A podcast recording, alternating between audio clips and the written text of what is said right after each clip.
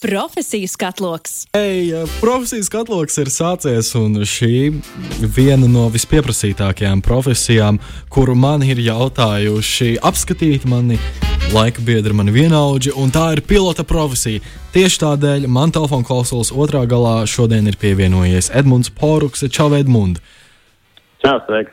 Tu esi pilots, ir Baltika pilots, un es domāju, ka tava dzīve ir, varētu būt izdevusies, vai tā ir, vai tā nav.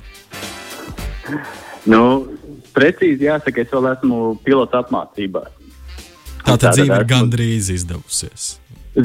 Iespējams, ka dzīve ir gandrīz izdevusies, bet nē, protams, ir arī ļoti interesants šis apmācību process. Tas, tas, tas arī ir savādāks nekā ir tieši šis pilota darbs, bet, bet arī tas man patīk. Tā ir labi, viss kārtībā. Tad mēs uzreiz īstenībā varētu ķerties arī klātām mācībām. Kur jāmācās un cik ilgi jāmācās, lai kļūtu par pilotu? Nu, principā, lai kļūtu par pilotu, nu, pilots tā tad ir plašs, plašs vai ne tāds profesiju spektrs. Droši vien vairāk interesē tieši komercaviācijas tātad, uh, pilots, kas mums ir kā, avio līnijās visplašāk pieejams. Jo ir jau dažādi, protams, ir mazo lidmašīnu piloti, ir uh, militārie piloti.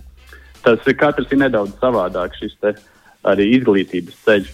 Bet, lai kļūtu par tātad aviolīnijas pilotu, ir jāmācās kādas valsts civilās aviācijas aģentūras apstiprinātā mācību organizācijā. Ja tā ir Eiropā, tad principā jebkuras valsts, jo visas civilās aviācijas šīs organizācijas ir zem Eiropas civilās aviācijas aģentūras, kas savukārt viņas tur pārbauda. Tad Līdz ar to visās skolās šie standarti ir principā vienādi. Protams, katra skola var kaut kādus savus papildus standartus uzlikt, bet principā pamatstandarti visiem ir vienādi. Līdz ar to arī tad, varbūt nedaudz līdzīgi kā autovadītāja apliecībai, tad arī šeit pilota licencē, ko iegūsti Eiropas Savienības valstīs, viņa arī derīga visā Eiropas Savienībā.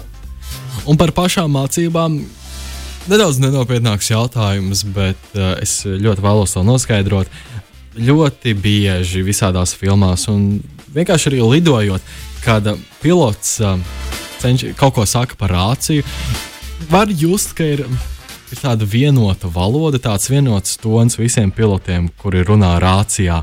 Vai tas tiek mācīts, mācoties par pilotu? Tas runāšanas veids. E, nu, principā aviācijas valoda ir, nu, starptautiskā aviācijas valoda ir angļu valoda. Tādā ziņā noteikti tas tiek mācīts.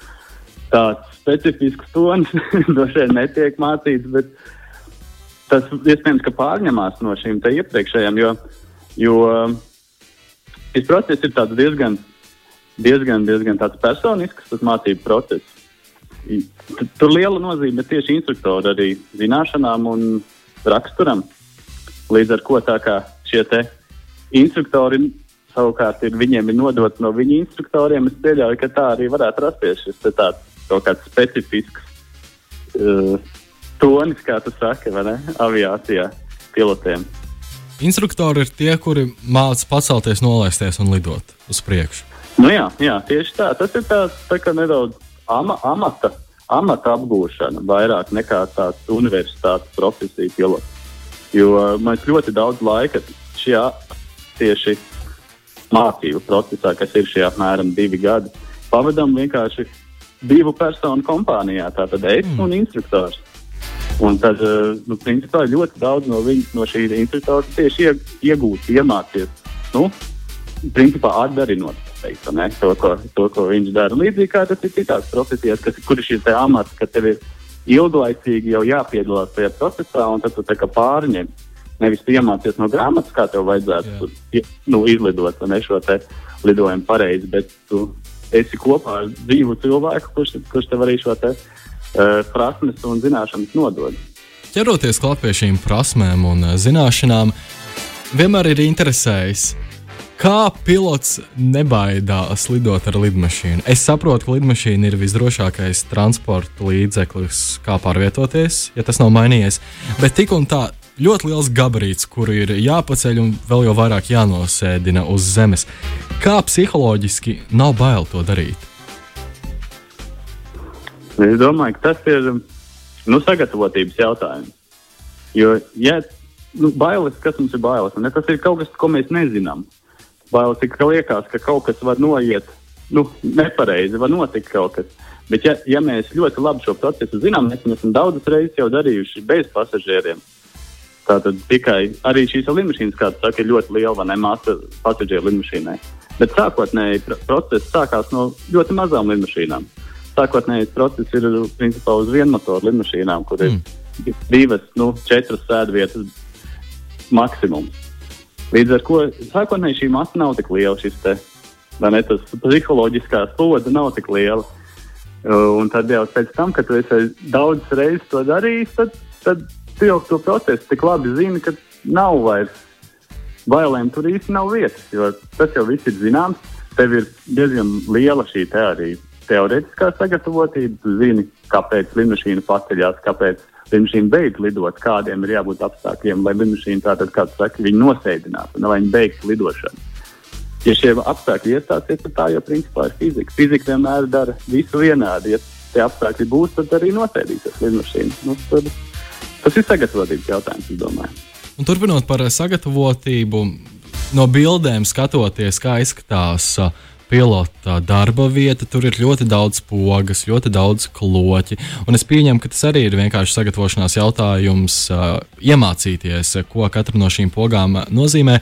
Bet es vēlos noskaidrot, vai ir tā, ka lidojuma laikā visas tās pogas tiek izmantotas, vai ir tikai, piemēram, kādas piecas, sešas tādas noteiktās lietas, kurām tiks, kuras tiks izmantotas, bet tās pārējās ir negribu teikt, domātas dekoram, bet domātas tikai kādos specifiskos gadījumos? Nu, noteikti ne tik maz, ka 5, 6. Uh, es teiktu, kāda puse, nu, trešdaļa noteikti mm. puse varbūt varētu būt tās, kas tiek regulāri izmantotas. Jā. Un pārējās ir, jā, specifiskos gadījumos vairāk tieši, ka kaut kas ir, nu, lidmašīna ir ļoti liela un sarežģīta iekārta, un, protams, lielām un sarežģītām iekārtām kādreiz gadās arī, ka kāda detaļa saplīst. Līdz ar to mums jābūt ceļiem, kā to apiet. Un tad pārējās šīs, šīs dažādas slēdzenes, kas, piemēram, ikdienā darbojas automātiskā režīmā, automātiskais režīms kaut kāda iemesla dēļ nedarbojas, tad viņš tiek darbināts manuālā režīmā. Jā, un tad ir iespēja regulēt, pārslēgt manuāli. Un par šiem autopilotiem iesauktajiem, kad tie ir ieslēgti, tad var gulēt. nu, pēc procedūrām noteikti nevar gulēt. Nē, tā, tā ir. Principā tas ir robots, un ne, nu nav fizisks robots, kurš ir redzams, staigājošs, bet principā tas ir robots. Un robots vienmēr darīs tikai nu, līdz šim brīdim. Tātad tas nav ar mākslīgo intelektu apveltīts. Viņš tikai darīs to, ko viņam, ko viņam kāds būs iemācījis. Un, ja būs tādi apstākļi, kur kāds būs iemācīts rīkoties, kas mums liktos neloģiski, nu, nepareizi no tādas loģikas, no domāšanas perspektīvas robots nedomās. Viņam liksies, viņam būs ieprogrammēts, ka jālido ir nu, kaut kur pārāk ātri, pret kaut kādu bīstamu lietu, viņš to darīs. Jo, nu, līdz ar to visu laiku robots ir jāpieskata. Viņš tā nevar tikt palaists savā gaitā. Sanāk, darba laikā nevar gulēt. Darba laikā nevar gulēt nekādā ziņā. Bet pēc lidojumiem arī tas ir stereotips, bet uh, diezgan populārs, ka pēc lidojumiem pilotiem ir ļoti ekskluzīva un šarmanta dzīve nonākot galamērķī. Tur filmās arī nereti var redzēt, kā tur pie okeāna atpūšas, sauļojas, dzer dzērienus, bauda kokteļus. Vai tā ir realitāte? Es domāju, ka noteikti principā tā ir realitāte. Nu, es tā tad nevaru no šīs personiskās pieredzes šeit padalīties, jo es esmu tādā mācību procesā, tepat vien pa Latvijas lidojām, nu, pa Baltijas valstīm. Nu, esmu, esmu bijis ar tātad tas lidojumiem Lietuvā, Igaunijā, bet, nu, protams, mums nav, vai ne, okeāna, okeāna klāt un, un palmas. Bet, principā, kāpēc ne, ja tev ir lidojums uz, uh, uz kādu šādu eksotiskāku vietu, starp lidojumiem ir noteikts tātad brīvais laiks, pilota darba laiks ir ļoti reglamentēts. Nedrīkst būt tā, ka pilots lido pārgūs, jo nu, tas ir bīstami visiem. Līdz ar to ir reglamentēts atpūtas laiks. Un, protams, ka tu to izbaudi tajā vidē, kāda tur ir. Un, ja tā vide ir okeāns un palmas, tad tu to šo brīvā laiku pavadi pie okeāna un palmām. Ah, izklausās, izklausās rīktīgi, superīgi. Vai tavuprāt, šī varētu būt visforšākā lieta pilota darbā? Varbūt ir kaut kas cits. Nu, manuprāt, Nu, es nevaru, šo es nevaru no savas pieredzes pateikt, jo es neesmu tādā to pieredzējis.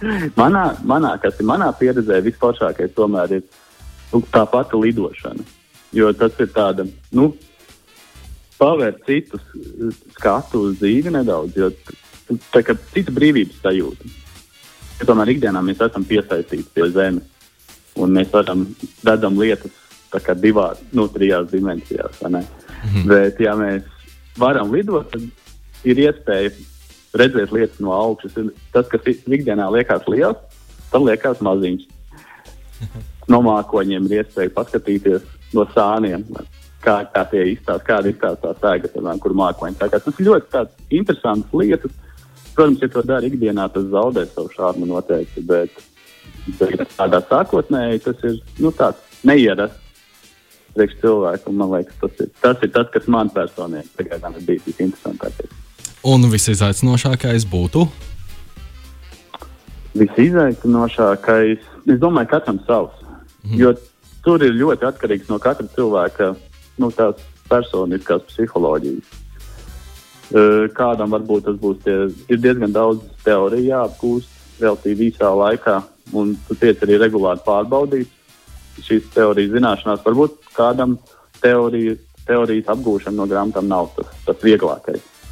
Man personīgi visizaicinošākais sanāca, bet tas nebūs katram. Tas tikai tādai mūsu specifiskajai grupai laikam ir, kad uh, mums iekrita tieši šis pandēmijas laiks. Līdz ar to daudzas mācību procesi bija tādi relatīvi saraustīti.